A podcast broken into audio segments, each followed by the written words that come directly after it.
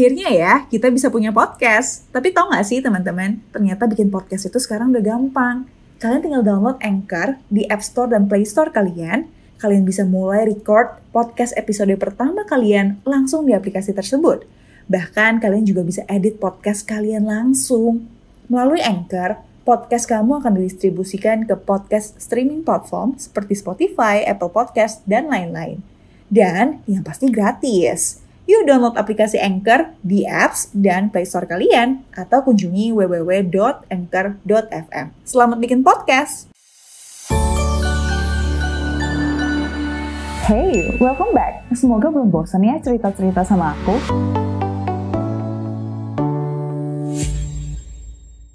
Hai guys, balik lagi sama Mama Ame. Yeay! Jadi Mama Ame ini mau aku. Nah hari ini kita mau ngomongin sesuatu yang beda tapi tetap tentang ibu-ibu ya. Jadi Mama ini ceritanya uh, punya geng arisan di Pontianak.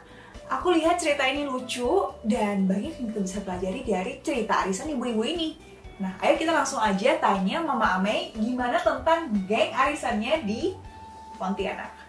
Uh, saya punya satu kelompok kita juga uh, mungkin kelompok kur di gereja aktivis di gereja jadi kita Oh. sama-sama uh, terpikir mau jalan-jalan gitu ya Ini anggota geng ini berapa orang? Mas? Berapa Eh, besar? sebenarnya sih kita sekitar 40-an sih gitu tapi kan mungkin juga nggak semuanya harus ikut gitu Oh ini total geng tuh 40 orang. ya sekitar 40 lah Tapi yang mau itulah ya. jalan-jalan? nah, yang aktif mungkin 30-an atau apa nah lalu kita kepikiran mau jalan-jalan nih tapi ya udah em, kalau sekaligus kan gitu kan rasanya berat jadi kita kompromi eh, udah kita nabung aja gitu setiap bulan gitu. Eh, ngumpulin Nah, uang. ngumpulin uang jadi pas aku ditunjuk jadi bendaharanya yang koordinir Oh gitu oke oke. jadi setiap bulan eh, kemarin kita udah patokannya udah satu orang 500.000 ribu aja. Jadi pas yang ikut sekitar 29 ya kalau nggak salah. Jadi ada 29 orang Hmm, Jadi yang kali setuju untuk ikut. eh, nabung 500 ribu per bulan buat nanti bisa jalan-jalan. Iya betul. Ya setornya karena mama jadi bendahara, transfernya ke mama gitu setiap Iya, bulan. jadi uangnya kumpul di mama setiap bulan mereka batas tanggal 1 sampai 15 itu mereka sudah harus kirim eh, 500.000 ribu. Oh oke oke. Nah, ke rekening mama jadi setiap bulan itu terkumpul sekitar 14 juta 500 nah, Nah itu tuh ceritanya eh, nanti uangnya kalau terkumpul mau berapa lama dan mau ke mana gitu? eh, kita rencananya paling cepat 10 bulan sampai satu tahun lah Paling cepat 10 12. bulan, 10 sampai 12 bulan lah ya ngumpulin jadi uang. Kita perkirakan satu orang 5 juta sampai 6 juta lah sisanya nanti kalau lebih syukur kalau misalnya kurang kita nambah lagi gitu Eh, kita juga belum punya rencana mau ke mana Pokoknya ngumpulin uang aja dulu. Iya, yang penting pokoknya kumpulin dulu uang. Bisa aja kita kemarin masih banyak sih kayak kepengen ke Belitung lah, Oh. kepengen ke Malang lah, Oh. kepengen ke Medan lah. Tapi ya udah Mama bilang kumpulin dulu. Yang penting uangnya terkumpul dulu. Masalah mau ke mana itu nanti aja mudah kok. Oh. Tahun per- eh, bulan pertama udah terkumpul 14 juta 500 Mama simpan di bank kan ditransfer ke rekening Mama. Ini udah berjalan berapa bulan nih? Eh, bulan ke yang yang keempat Ini udah bulan keempat dari saya total 10 sampai 12 bulan lah ya. iya betul Oke. lalu bulan pertama 14 juta 500 bulan kedua berarti kan udah 29 juta ya Ya, heeh. nah itu bunganya kecil sekali Oh, kalau misalnya taruh di tabungan, ya iyalah. Itu kan cuma 0,5 persen per tahun kan kalau di tabungan bank. Hmm. Terus terus. Nah, terus kan kamu anjurin Mama. Oke, nah ini adalah uh, momen di mana aku lihat, eh ini kan kalau ngumpulin uang ibu-ibu ini, ya ada bapak-bapak juga ya. Iya. Nah kalau geng ini 29 orang ngumpulin 500 ribu per bulan, ada 14 sampai 15 juta per bulan. Tambahan tuh lumayan banget kalau misalnya kita taruh ke instrumen yang yang biasa-biasa aja. Karena mama kan mau jalan-jalan, tapi kira-kira setahun lagi lah. Nah, jadi karena jangka waktunya yang pendek, ini uang ini sebenarnya bisa dimaksimalkan, tapi nggak boleh taruh di tempat yang beresiko tinggi gitu loh. Jadi aku pikir eh, kenapa nggak taruh aja di reksadana pasar uang? Hmm. ya kan tapi awalnya mama takut. Takut juga kan apa itu kan uang orang ya. Apa bisa kembali enggak atau apa. Udah terus eh, anak mama nih suka ini nih maksain mama masuk. Ya udahlah mama pikir coba-coba aja masuk. Ya udah kalau uang ini hilang nggak kembali ya udah mama harus kembaliin teman-teman mama itu uangnya yang total berapa gitu. Kok bisa sampai mikir uangnya hilang gitu? ya karena kan di pasar uang gitu kan kayaknya kalau untuk mama tuh masih mama pikir ya udah resiko kalau misalnya nggak kembali ya udah mama harus ganti uang ini. Oh ada ya? Oh, ternyata di bulan ketiga ya udah dicek dari 43 juta itu eh, udah ada penambahan sekitar 3 juta lebih oh, enggak coba coba cek lagi Akhirnya ya, kita bisa punya podcast. Tapi tau gak sih teman-teman, ternyata bikin podcast itu sekarang udah gampang. Kalian tinggal download Anchor di App Store dan Play Store kalian. Kalian bisa mulai record podcast episode pertama kalian langsung di aplikasi tersebut. Bahkan kalian juga bisa edit podcast kalian langsung. Melalui Anchor, podcast kamu akan didistribusikan ke podcast streaming platform seperti Spotify, Apple Podcast, dan lain-lain. Dan yang pasti gratis. Yuk download aplikasi Anchor di apps dan Play Store kalian atau kunjungi www.anchor.fm. Selamat bikin podcast. Tapi sebenarnya sampai hari ini kamu udah tahu belum? Ini kan kamu belinya reksadana pasar uang kan? Udah tahu belum sih reksadana pasar uang tuh sebenarnya apa?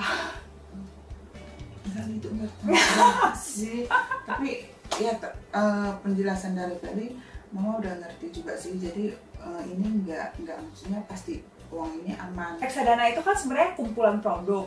Nah, kumpulan produk apa nih? Tergantung kalau belakangnya pasar uang ya produk-produk pasar uang itu isinya kayak deposito, obligasi pemerintah, obligasi eh, perusahaan. jadi mama udah banyak, banyak bandingkan 42 juta 500 mama udah dapat bunga dua, baru dua bulan ya kalau nggak salah dua Tiga bulan ya. belum sampai tiga bulan itu sampai hari ini udah lihat eh, sekitar 600an lebih bunga Nah, lumayan. Nah, kalau misalnya aku hitung ya, Hmm. sebenarnya uang ini bisa jadi berapa sih kalau ngumpulin sampai 12 bulan? Kayak gitu. Nah, awalnya kan memang 10 bulan nggak ya? cukup susah ini, 12 ini hitungannya years gitu. 12 bulan. Nah, jadi misalnya mau awalnya uangnya nol. Tapi kan setiap bulannya tambah 14 juta, 14 juta 500 ya, Mm-mm. ya kan? Ini nggak bisa berubah jadi rupiah, cuma bisa dolar. 14 juta 500 ya kan? Nah, terus Mama masukin ke, maksudnya beli lagi reksadananya tuh at the end of the month. Jadi setiap akhir bulan. Mhm. Sebenarnya kalau Mama beli awal bulan tuh bisa lebih gede lagi. Nah, Mama belinya akhir bulan kan. Mhm. Interest rate-nya kayak bunganya, bunga reksadana tuh 6% lah. Sekitar 6% lah per tahun. Itu udah nggak kena pajak, udah net of tax. Udah bersih. Mhm. Nah, satu tahun ya kan, 12 bulan. Mhm. Kalau di calculate, nah kira-kira tuh bisa dapat 4 4,7 juta ya. Satu bunganya. tahun ya. Iya, di akhir bulan ke-12 nanti tuh ada tambahan uang 4,7 juta. Ya lumayan lah. Lumayan kan untuk eh, makan-makan Makan-makan. bisa makan ambil 2 top- 3 kali. Iya. Nah, jadi buat ibu-ibu yang arisan, yang eh, bareng temen-temennya nih ngumpul, ih daripada arisan apa yang kocok-kocok terus bagi-bagi, mendingan yang ngumpulin uang terus uangnya ya ditaruh di reksadana pasar uang sih kalau menurut aku ya. Kenapa bukan bukan produk yang lain? Kenapa nggak deposito? Karena deposito kan ada jangka waktunya kan. Iya. Misalkan kalau reksadana pasar uang nih kalau besok mau jalan, besok mau ambil uangnya Langsung bisa langsung dijual dan dicairkan kayak gitu. Dan ini udah nggak kena pajak gitu loh 6% nggak kena pajak. Berapa deposito sekarang aja? Berapa? 5,25 paling tinggi. nah ya kan dan itu masih kena pajak 20% 20%. reksadana saham saham definitely enggak menurut aku. Peer to peer lending juga enggak nggak boleh. Ya kalau menurut aku sih em, mungkin buat teman-teman eh, seumuran nih pasti orang tua kita kalau diceritain tentang uh, produk-produk keuangan zaman kini ya pasti banyak bingungnya gitu. Apalagi istilah-istilahnya kan istilah baru dan aneh kali ya. Lagi pula kadang-kadang online.